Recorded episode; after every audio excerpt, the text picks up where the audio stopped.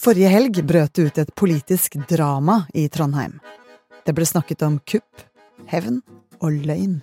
I går ble lederen kastet, og i dag ble Trond Giske valgt som ny nestleder i Trondheim Arbeiderparti. Etter en uventet vending ble Trond Giske, som egentlig var innstilt som styremedlem, valgt til nestleder. Så det framstår i hvert fall som et ganske velregissert eh, kupp. Én leder ble vraket, en annen gikk av, og plutselig var det Trond Giske som var Trondheim Arbeiderpartis nye nestleder. Hvordan oppsto dette kaoset? Og hva betyr det for et Arbeiderparti som igjen sliter på målingene? Du hører på Forklart, en podkast fra Aftenposten der vi tar for oss én nyhet i hver episode. I dag om Trond Giskes siste karrierebyks. Det er mandag 19. februar, og jeg heter Synne Søhol.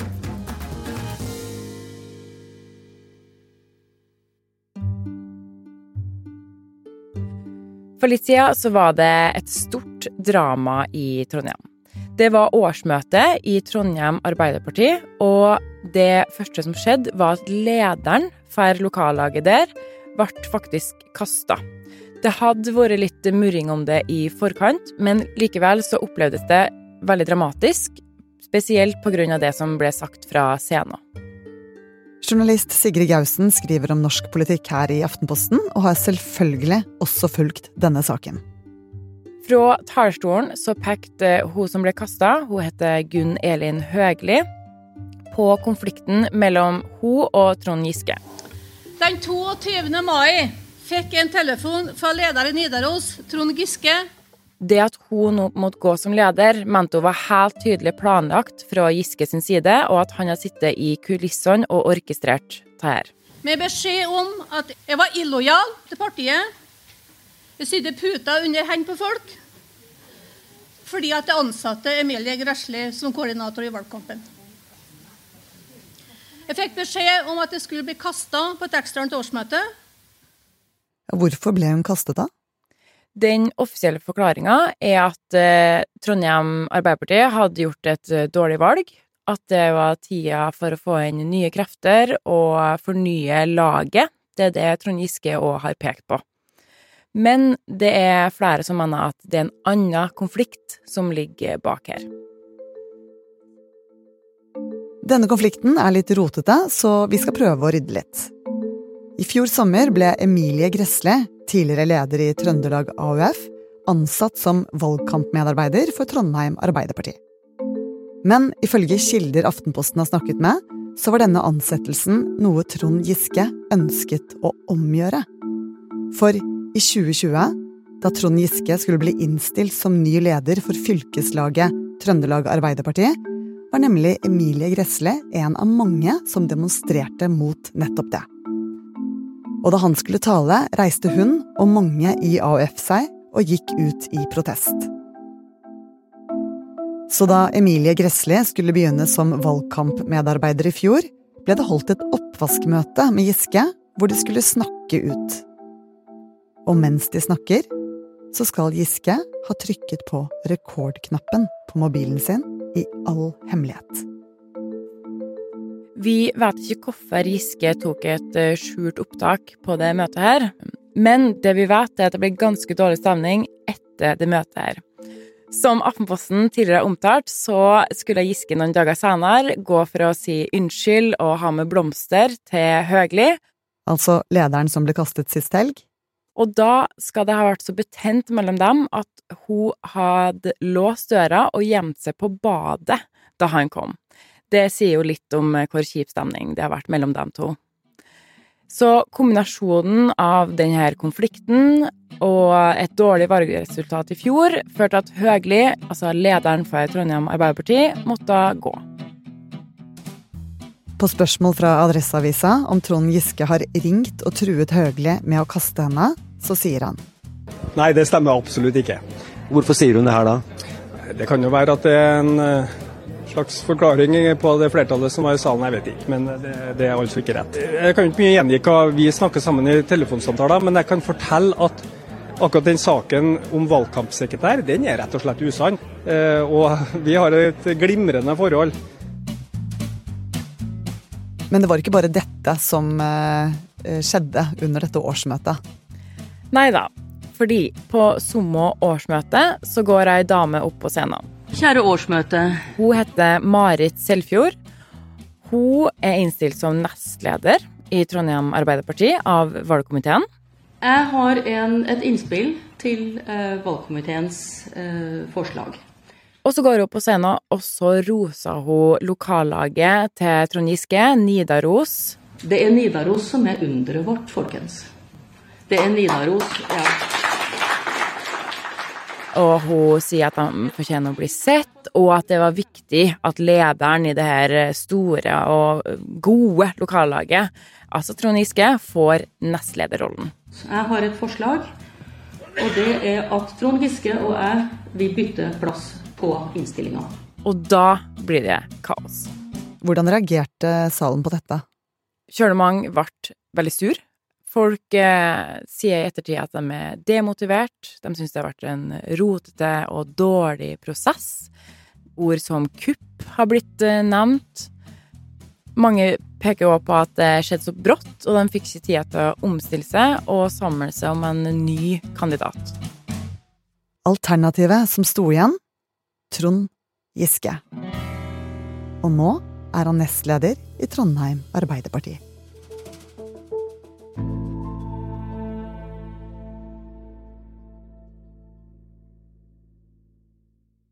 Trond Giske har fått til noe i Trondheim som eh, jeg tror ingen andre har fått til i norsk politikk. Politisk redaktør og kommentator her i Aftenposten, Kjetil B. Alstaheim. Hva er det Giske har fått til? Han uh, gikk inn i et uh, lite lokallag som er en del av Trondheim Arbeiderparti, og som nå heter Nidaros Sosialdemokratiske Forum. Da han gikk inn, så var det en håndfull medlemmer der. Nå er det blitt 4500 medlemmer og bidro til at eh, Arbeiderpartiet i fjor kunne notere en medlemsvekst eh, nasjonalt sett, selv om partiet jo er i store problemer på målingene.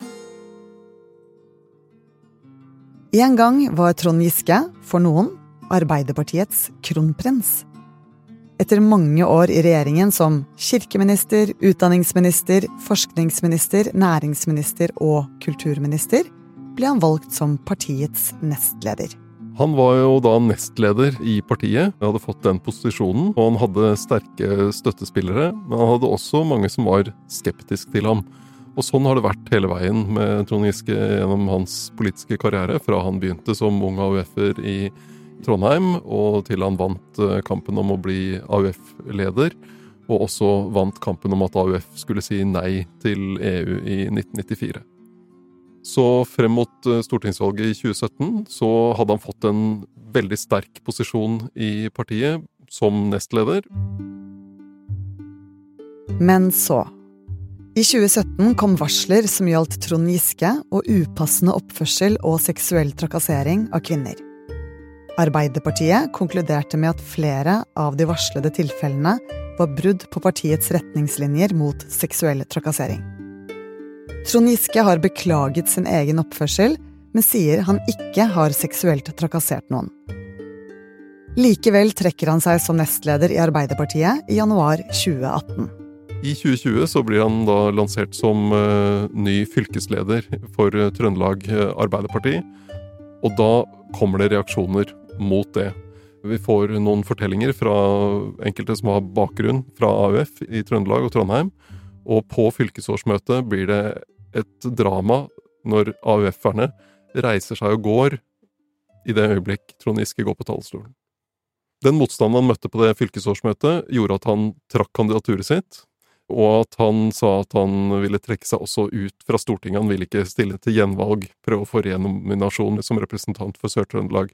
Så på et vis så, så det ut som han var da på vei til å legge politikken bak seg, men det viste seg at han ikke hadde gjort. Giske tar, som vi vet, over lokallaget Nidaros, og forrige helg ble han altså utnevnt som nestleder for Trondheim Arbeiderparti. Og det har faktisk litt å si. Trondheim Arbeiderparti har jo vært en suksess for Arbeiderpartiet nå de siste 20 årene. Selv om de tapte makten til Høyre i fjor, er Arbeiderpartiet i Trondheim og Trøndelag viktig for hele partiet. Og det blir også Trond Giske nå. Han er jo en sterk retoriker. Han er uh, sterk debattant. Han uh, greier å se saker som han kan bruke. Og han greier å mobilisere en del uh, folk. Det har vi sett med alle de som nå har meldt seg inn i, i Nidaros sosialdemokratiske forum. Og det spiller også inn her det at han er en ganske rå maktspiller. Han, han er ikke forsiktig med å, å bruke makt. Hvis han har muligheten til det, så gjør han det. Et eksempel på det har vi fått nå denne helgen, der eh, Nidaros sosialdemokratiske forum er blitt så stor del av Trondheim Arbeiderparti at det laget alene i praksis kan bestemme hva som skal skje der. Og det, Da bruker han den makten, og får det som han vil. Etter at Giske kom inn i Nidaros sosialdemokratiske forum, har maktforholdene i Trondheim blitt snudd fullstendig på hodet. Og nå spekulerer flere i om han har større ambisjoner. Det er et veldig godt spørsmål. Han vil jo si at uh, han vil uh, redde sosialdemokratiet og få Arbeiderpartiet tilbake til uh, hva folk er opptatt av og osv. Og, og Arbeiderpartiet er jo i problemer. Han har jo ting han er opptatt av politisk. Og så handler jo dette også om ham selv. Hva slags makt han skal få ha i Trondheim og i Trøndelag, og om han skal komme tilbake på Stortinget ved valget neste år. Hvilke utfordringer står han overfor da, hvis han skal tilbake i storpolitikken? Foreløpig har han ikke villet si direkte at han vil nomineres til Stortinget, men eh, de fleste tror det. Problemet hans er jo nå at han dytter en del fra seg, ved at en del folk i Trondheim som tidligere ikke har tatt oppgjøret med ham, har gjort det.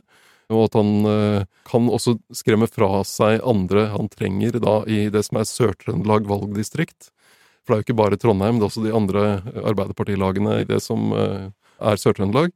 Spørsmålet er hva syns de om hvordan han har eh, taklet dette årsmøtet? Én ting er at du, han har hatt en suksess med Nidaros, men du skal jo også være med på å bygge et lag og ha med de andre. Og det de har sett i helgen, har vært et ganske brutalt oppgjør. Det har sett hevngjerrig ut sett ut som det handlet veldig mye om Trond Giskes eh, posisjon, og ikke så mye om hvordan han skal eh, samle Arbeiderpartiet til innsats i Trondheim og Trøndelag. Så det er et av problemene hans. Hvem er det som vil drive valgkamp for Trond Giske hvis han havner øverst på Arbeiderpartiets eh, stortingsvalgliste i Sør-Trøndelag neste år? Som du selv sa, så sliter jo Arbeiderpartiet på målingene. Hva betyr det kaos og splittelsen i Trondheim for Arbeiderpartiet som helhet? Jeg tror nok det er eh, mange som opplever at dette bare skader dem enda mer. At det er bråk og det er personkonflikt og sånne ting. Og det er ikke det de trenger nå. De trenger å liksom dra i samme retning og være ett lag. Og så vil eh, han og hans støttespillere og Nidaros sosialdemokratiske forum nok argumentere for at eh, ja, men Arbeiderpartiet trenger en annen kurs, og vi har bedre planer for hva Arbeiderpartiet bør gjøre politisk og at det vil være en styrke for, for partiet. Da. Det er sånn de har argumentert da, knyttet til Trondheim. At de mener at nå må man ta et oppgjør med de, de som har sittet på toppen i Trondheim Arbeiderparti, for å få det på en riktigere kurs. Men da må man jo huske på at det var Giske selv som plasserte inn hvem som skulle sitte på toppen i Trondheim Arbeiderparti for bare et år siden. Så det fremstår ikke sånn veldig troverdig i mine ører. Kan Giske endre Arbeiderpartiet på noen måte, eller kan han bli statsminister én gang i fremtiden? Han øh, har jo vist at han øh, kan ta makt i Trondheim, og så er spørsmålet hvor mye makt kan han ta ved nominasjonen i Sør-Trøndelag, hvor mye makt kan han ta i eh, Trøndelag Arbeiderparti. Når det gjelder det om han kan bli statsminister, det tror jeg ikke han kan bli, fordi han er for omstridt, for kontroversiell, det er for mange som er imot ham.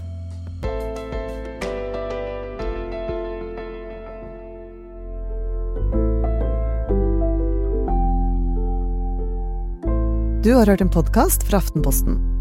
Det var journalist Sigrid Gausen og politisk redaktør Kjetil B. Alstaheim som forklarte deg kaoset i Trondheim og hva det betyr for Arbeiderpartiet. Denne episoden er laget av produsent Philip A. Johannesborg, Fride Nesten Onsdag og meg, Sunne Søhol. Resten av Forklart er Olav Eggesvik, David Vekoni, Heidi Akselsen og Anders Weberg. Lyden du hørte, er fra Adresseavisa, VGTV, TV 2 og NRK. Hvem tjener på at maten vår blir dyrere? Er det du som sitter igjen med de ti prosentene? Uh, nei. Det er ikke noen store penger å hente for oss i dette greiene her. Det gjør man selvfølgelig for å tjene mer penger. Det er ikke sånn at det forsvinner noen penger noe sted. Hør sesongåpninga av Dypdykk hos Aftenposten eller Podmy.